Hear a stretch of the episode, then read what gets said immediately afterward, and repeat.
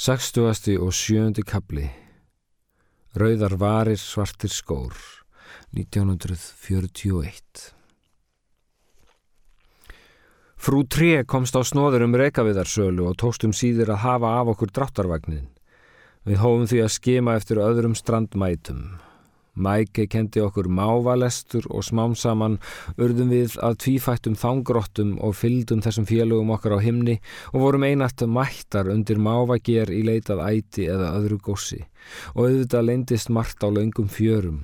Kafbátarni voru duglegir að skjóta niður skipin og norðursjávaraldan sá um dreifingu farms allt frá Skagen og söðu til Ostendi. Eitt sinn fundu við hálfbrotna tunnu fulla af síld og öðru sinni gengu við fram á 1500 ljósaperur sem vildu þó ekki skrúast í neina lampa. Það var stórfindið að sjá fugglinn glíma við þann glampandi glóðar ávöxt. Verðmætasti fengur okkar voru trekassar tveir fullir af skóáburði í smáum kringlótum dollum sem við selfluttum í mækuskemmu og seldum á svo svartum markaði að frúin fekk engan pata af. Hins vegar hafði hún orða á því við kvöldverðaborðið hvers skínandi svartir skórnir í þorpinu væri nú orðnir. Okkur tóst að halda glottinu innan góms á meðan ég svaraði Já, það, það er út af hátíðinni. Hátíðinni? Já, bíkebranin hátíðinni, péturskvöldi, það er í næstu viku. Þíska frúin hafði ekki áður dvalið hér um vetur og þekkti því ekki þennan sérfríska sið sem að líkindum var ættaður úr heiðni. Að kvöldi 21. februar heldur fólk til strandar þar sem hvert þorp hefur hlaðið sinn bálköst bíke. Þá er sungið og dansað og einnig brendur strámaður sem sumir telja táknu vetrar með brennslu hans sé vor kveikt með jörðu. Afi Mæke tjáði okkur að fyrra á öldum hefðu konur kveikt þessa sjávarelda til að hvaðja eigin menn sína er þeir heldu til kvalveiða. Amma hennar bætti kímin við að með þessu hefðu frísa kvensur látið piltana í landi vita að nú væri kallmannslöst í eigunum. Í raun var staðan slík nú því hér var ekki stinnan limað fá eins og haft var eftir flónertunni sem afgreiti í bakaríinu og var orðin fjólublá af kallmannsleysi. Frú Bám hlíti hlessa á brennusögur okkar og hvað síðan upp úr með að Dísa kvatsch! Þetta bull var í óðsmanns æði á stríðstímum. Ætlar fólk virkilega að fara að kveikja elda hérna á ströndinni?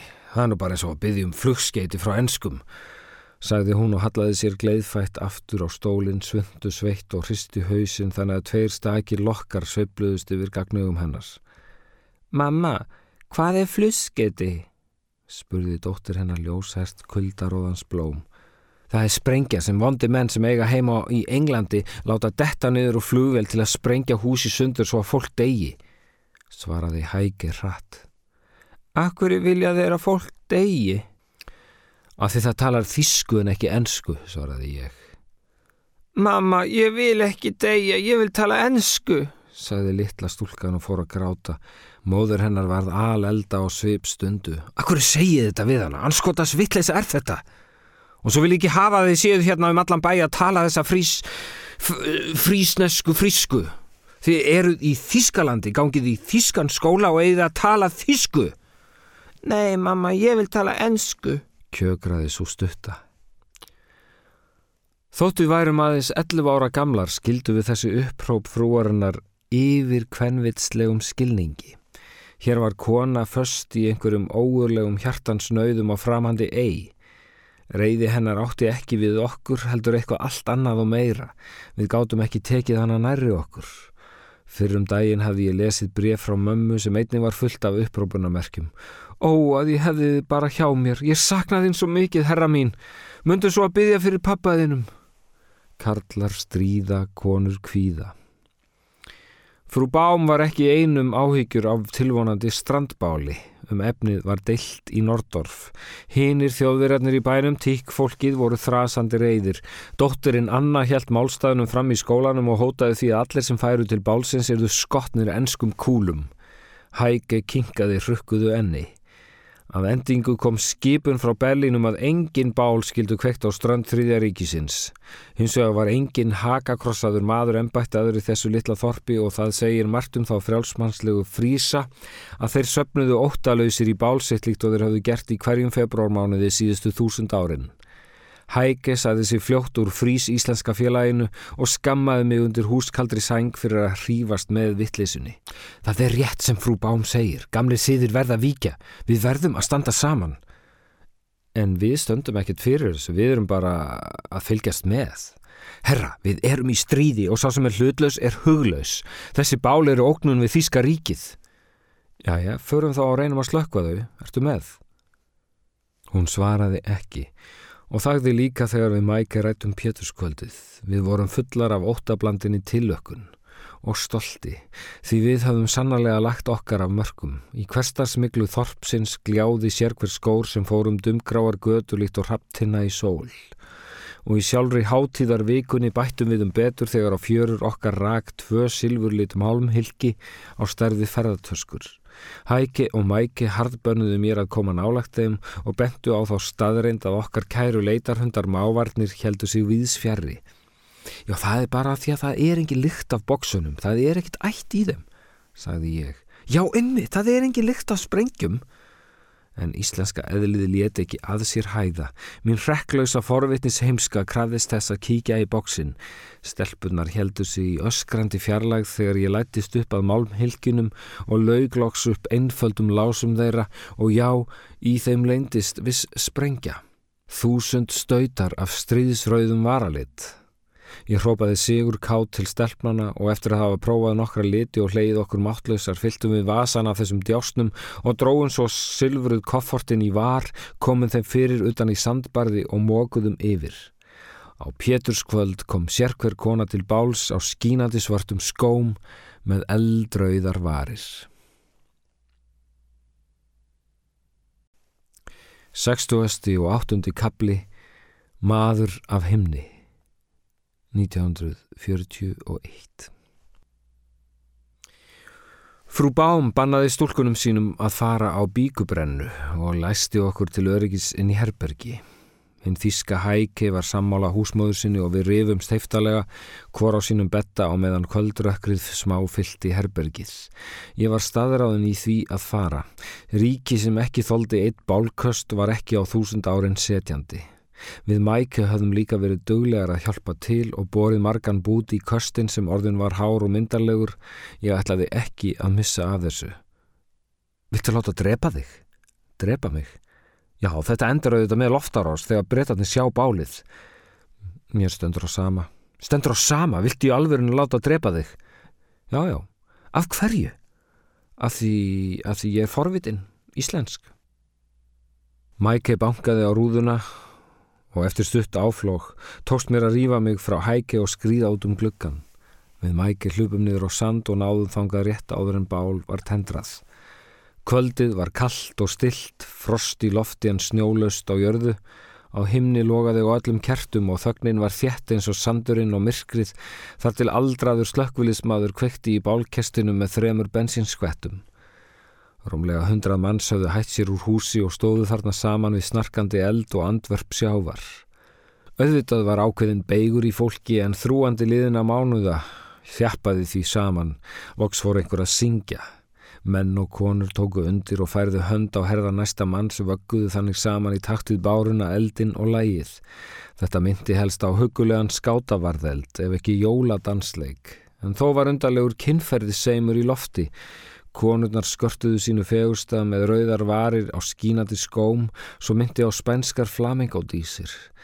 Ljósherðu tvíburasisturnar úr næsta húsi sem ætið gengu hoknar um gard vegna nýbrjósta sinna ljómuðu lífsglaðar í eldskininu Ögnagotur skutust eins og nistar úr bálinu en dóu óðar út í náttmyrkrið.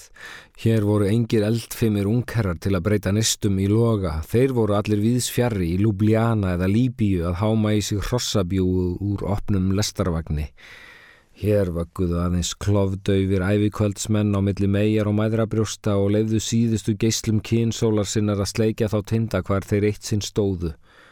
Eitt þeirra var jável dugleysinum ertur, roskinn, búlduleitur, kinnastjóri, hafði rauðmálað sitt sén yfir brós, vakkaði hænulega á milli tveggja ljóma kvenna eins og kynleysingur í kvennabúri og söng manna hæst. Mest voru það einhverjar úrgamlar frísavísur, lóminn góður ef ég heyri þær ekki enn. Klingtan en daver ég fjerinni drán, dín alde eri og friske grán. Þér syngjum hátt sem heimins þrömu gjörð og heiðri þínum, ó, þú friska gjörð. En það var eins og við mannin mælt. Í miðjum klíðum bárust drunur af himni, fólk hættið þegar að syngja og leiti lofts. Ekkert var að sjá en hávaðin magnaðist. Þau þísku hafðu þá haft rétt fyrir sér. Eldurinn kallaði á enska bombu. Við stukkum strax frá bálunu og hlöpum upp af ströndinni, fólk kastaði sér í sandin. Við mæki komist þó ekki langt því nú breytist flughljóð í hrapljóð og við litum við, niður úr himna myrkrinu byrtist óljóst form, skreitt kvítum og rauðum ringjum í örskott stund, svo var það horfið í sjóin með söldu skvampi. Skamt undan landi, við sáum hálfan væng standa upp úr sjónum og kvítan reik stíga upp af honum með láværu kvissi. Spurningamerki spruttulikt og skindiblóm úr sandinum. Ég tók eftir því að skamt frá okkur lág Anna Tík en Þíska eða Anna Tík eins og ég kallaði hana í brefunum til mömmu. Hún hafði þá komið eftir allt saman og leit nú á okkur mæke með fyrirlitningarsveip. Hugaður gamal Karl sem sjálfsagt var orðið sama um lífsitt reysloks á fætur og tölti niður í fjöruna. Við mæke figuruðum okkur aftur að bálinu og framhjáði í humátt á eftir Karli. Einhverji gerði slíktið sama. Brátt barst nýtegund af róti utan á sjónum og eftir nokkur spennuþrungin augnabliki viðbót komum við auga á mann sem syndi átt til okkar. Hver er þar? Rópaði sá gamli á þísku. Ekkert svar. Ungur maður á glansandi jakka byrtist upp úr sjónum og drattaðist í átt til okkar örmagna. Hann var óvopnaður að sjá, stansaði í flæðarmálinu og virti okkur fyrir sér eitt andartak áður en hann beigði sér niður stutti höndum á hnið og kastaði mæði, sjór lag af höfði hans. Hver er þú? endur tók sá gamli á þisku. Fleiri voru nú komni niður í fjöruna, á bakvið snörlaði í fannbjörtu bálinu. Maðurinn rétti úr sér og spurði, Er þetta vansi? Ha? Er ég við vansi? Hann talaði þískuna með ennskum hreim. Ertu englendingur? spurði ungleg hvermansrödd að baki okkur. Já, svaraði hann á ennsku, rétti síðan upp hendur og bætti við á sömu tungu í fullkomnum uppgjafar tóni. Hann takið mig. Frísar horðu hver á annan, á mannin og aftur hver á annan, án þess að nokkur segði orð. Herrmaðurinn var ungur og dökkarður með lagalett andlit og sveipi í hári. Varir hans titruðu af kulda og herðarnar gengu fram og tilbaka. Hann reikaði upp í fjöruna, snýri sér síðan við, benti út á sjóin á flakið og ætlaði að segja eitthvað en fekk hóstakast og grúði sig yfir þau hljóð sín. Lóks kúaðist hann og skilaði ljósleitri spíu í fjöruna. Roskinn kona gekk til hans með teppi og sveipaði því yfir hann, áður en önnur yngri raug henni til hjálpar. Saman stuttu þær flugbrótsmannin upp á strandina í áttað eldinum.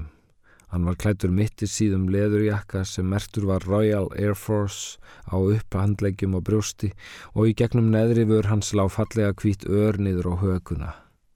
Englendingurinn stöulaðist nokkur skref en staðnæmdist svo og tjáði tveimur körlum á lélæri þýsku að félagi hans sæti enn í brækinu. Á meðan konur komu unga manninum fyrir við eldin ösluðu tveir menn út af flækinu en þeir voru aldraðir vel og hættu sér ekki lengran upp að njám, sjórin var tröllkaldur.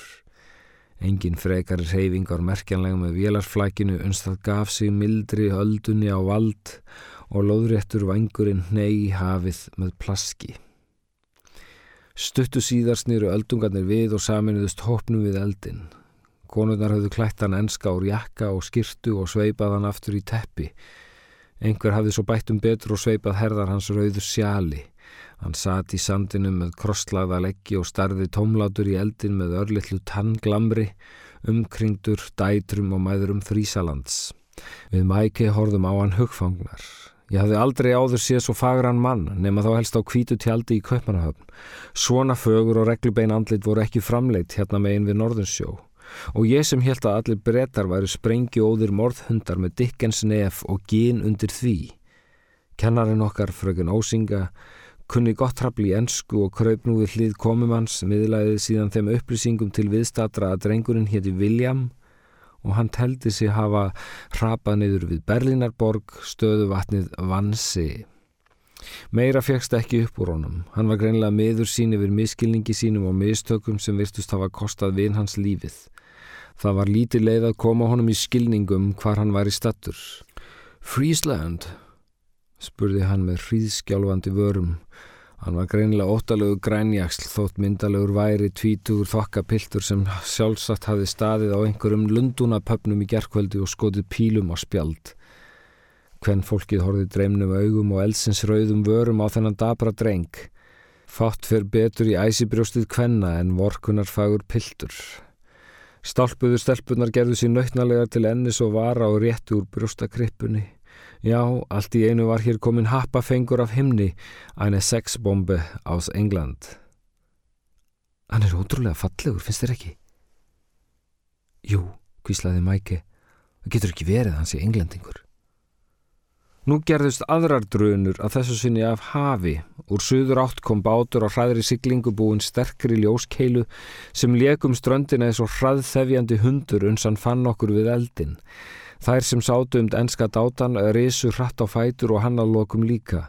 Báturinn nálgæðist óðum og hægðiloks á sér, vélinn let af drunum og ljósið vakkaði nú beint framundan bálinu. Hörkuleg kallmannsrödd drundi úr gjallarhorni. Fóir ásmakkan! Við stóðum öll stjörf og fyldus með valdsmannslegum síðfrakka östla í land.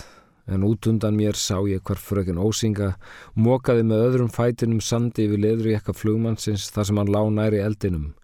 Fóringin á síðfrakkanum var hávaksinn og stífur í reyfingum líkt og hnýin væri honum óliðleg, búin hörkulegum og velbrottuðum kjálka. Hann var í hnýháum leðurstífilum, bar liðsfóringjalegt kaskeiti og helt á gjallarhorni í vinstri hendi. Í þeirri hægri glampaði á skambisu með löngu hlaupi. Að baki honum byrtust tveir óbreyttir riflamenn. Liðsfóringin let vera að nota gjallarhornið en pataði með bissunni um leið og hann öskraði á okkur að slökkva helvítis eldin. Hvers konar vansinn þetta væri. Fója ásmakkan! Hann bar húfuna djúft, augun lágu í skugga dersins, sá enski hófað skjálfa á ný. Tveir strákar hlupu skeldir á brott upp á ströndina svo að frakkamæðurinn tók eftir. Það voru bræður mæke. Móður þeirra horfi eldsnögt á eftir þeim og let frá sér hálf kæft óp en snýri sér samstundis við aftur og sá að liðsforingin hafði bissun á lofti. Af viðbraðs flíti ljóninjunar stökk hún á hlaupið og náði að trubla skotið sem gall við út í brennumirkrið. Bissumadurinn hristi hana af sér og var nú orðin æfur af reyði, skaut fyrst tveimur skotum í átt að sandbakkanum og beindi síðan bissunni að konunni sem lág fyrir fótum hans og kjögraði á þýsku. Já, skjóttu, skjóttu mig frekar. Mér var litið á steinsteift andlit vinkonu minnar. En frakkamanninum gafst ekki tími til að skjóta móður hennar því nú byrtust riflamennir og var mikið niðri fyrir bentu til sjávar. Ljóskeilan hafði snúið sér frá landi og lísti nú upp breska flugilabrakið. Þeir strunsuðu allir þrýr frá eldinum og aftur niður í fjöruna. Mæke sprakk samstundis og hendi sér hágrátandi yfir móður sína sem grúði sig enn í sandin og hafði grafið hendur sínar djúft í hann líkt og hún harmaði að fá hann ekki að gröf. Báturinn færði sig út af flakinu en liðsfóringin snaraðist aftur að bálinu. Menn hans eldu með fötur og skipuðu körlunum að sækja sjó á eldin. Fóringin lifti deri frá augum og stikaði stífur en rólegur ringin, glotti við gráti maðgnana sem hnipruðu sig saman fyrir fótum hans. En þegar honum varloks ljóst að hér voru tómir strísleysingjar á ferð, konur, táningar, börn og gamlir menn, var sem honum létti og vinnuskildan vek fyrir brosi. Svo þeir eru frísar, allir saman frísar og haldið að þið séuð ekki stríði. Haldið þið geti bara haldið áfram ykkar þjóðhátt að dútli eins og ekkert hafi ískorist, eins og hér sé engin hætta á ferðum. Kveikja bál, sé svona. Á bakvið hann flissaði eldurinn þegar fyrstu guðsurnar gengur fötum karlana. Mæke kjökraði enn í fangimóður sinna sem þerraði kvarma sína með handarbökum. Og hvað gerðist með þessa flugvil hann? Sáuði hann að hrappa? Hjælti leiðsfóringin áfram. Já, svaraði kennslukonun okkar. Skaut hún ekki á ykkur? Nei. Og hvað gerðist? Var hún skotið niður? Nei, ég held ekki. Hún rapaði bara. Emi það já, hún rapaði bara og þið heldur bara áfram að halda upp okkar friðsömu frísku tilveru eins og ekkert. Hann þagnaði snögglega, hafði komið auga á englendingin og gekk nú að honum. Hverjir eru þér? Hópurinn tók hljóða andköf. Vi, William? Heyrðist flugmaðurinn muldra. Willem! Já, svaraði blöytarður drengurinn hreimlaust, hreint og beint einfalt já. Og var engin leið að málgreina það orð, það gæti allt eins verið þíska, danska, frísneska, ef ekki hollenska. Og hvernig stendur á því að þér eru blöytir? Drengurinn reyndi að stinja upp einhverju, en komi einhver orði fram á varirna sem í staðin tóku nú að skjálfa sem aldrei fyrr. Öldungurinn sem fyrstur hafi gengið til mótsvið hann tók til máls. Hann, uh, hann fór úti til að, til að ganga úr skugga um að flugmaðurinn væri örgla döður. Ég hafði tekið eftir því að tíkin annar stóð all næri mér á vinstri hönd og án þess að líta á hana fann ég með vinstra eiranu hvernig hún föðraði upp. Og hvað, var hann döður? spurði fóringin. Já, eða, nei, e, ekki alveg, hann, hann þurfti að e, berja, berjast við hann, var, var það ekki? Sá gamli skaut auga á englendingin sem leitt snögt á hann áður en hann sendi augun aftur í sandin og kinkaði niðurlútum kolli. Fötukallarnir komu nú með annan skamt úr sjó og byrtan frá bálinu dopnaði með kvissi.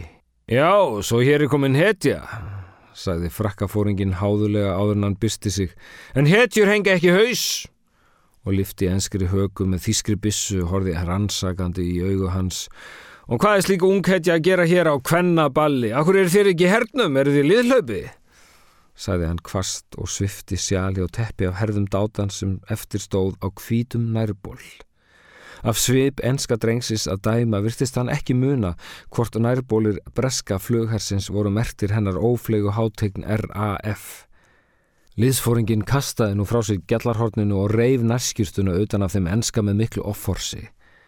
Það var fagur torsó sem blasti við okkur dömum og dugleysingum í loga giltum bálbjörmanum. Drengurinn hengdi höfuðið af djúbri feimni ef ekki hræðslu en fóringin þreif í hægri öxlans, háls nýri honum við og í einhvers konar samkinn beigðu satista kasti skipaði hann drengnum að fara líka úr buksunum. William skal nú á nærbuksum einum fata. Liðsfóringin dokaði áleindar og virti piltin fyrir sér. Það mátti heyra frýðin að krauma innra með manninum. Síðan tók hann skrefið upp að drengnum, stakk bissulhaupinu niður í nærbúsnastrengin og listi brækurnar niður af honum. Skipaði honum að standa uppréttum. Stilgistandin! Við okkur blasti nakin karlmaður sangallaður ástar guð í allri sinni eldlogan stýrð. Í gegnum byrtu snarkið mátti greina djúft en nær þögult kvenlegt andvarp. Hér í nærveru elds og dauða, sjávar og stjarnar hafði stundin tætt utan af okkur öll tímans född og við stóðum nú eins og fornar og frummennskar sálir á sinni fyrstu strönd við sinn fyrsta eld í sinni fyrstu frigð. Ég gleymi þessu ekki, ég mun aldrei gleyma þessu sem ég likk hér 70 árum síðar niður nýtt og með byðukollu og banasæng. Ég sé hann enn þar sem hann hangir fyrir augum mér eins og sjálf ástæða lífsins. Aldrei áður hafði ég séð neitt svo ógnveikjandi fagurt, svo dónalega ljótt, svo yfirmátlega satt.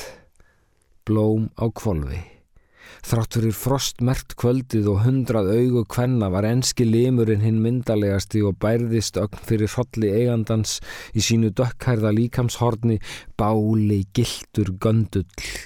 Líkt og aðrir virtist kaskeitismadurinn Agdofa Hann góndi litla stund á herlegheitin en hóf síðan upp röst síðan með hlátri og hrópaði til sinna manna Þetta er einmitt það sem þíski herrin þarf á að halda! Þeir hlóðu djart og hann endur tók setninguna að rutti svo út úr sér enn meiri hlátri. Sýningunni laugum leið og hún hófst þegar þrýr gamlir frísar heldu úr jafnmörgum fötum á bálið, allt varð myrt. Nú var þokuljós bátsins eina ljósmetið á ströndinni Það heyrðist hrópað utan á sænum en frakkastjórin syndi því ekki heldur spurði hinn nakta að fullu nafni. Sá enski umlaði látt ofan í barmin og hafði nú lofum falið djástn sín. Hvað þá? öskraði sá þíski. Hann heitir Willem, Vil, Willem Vanse, herra, sagði frökun Ósinga. Aha, Willem Vanse. Möldraði hillisfóringin dró skrifblokk og blíjant úr svörtum leðufrakka sínum og skráði niður nafnið.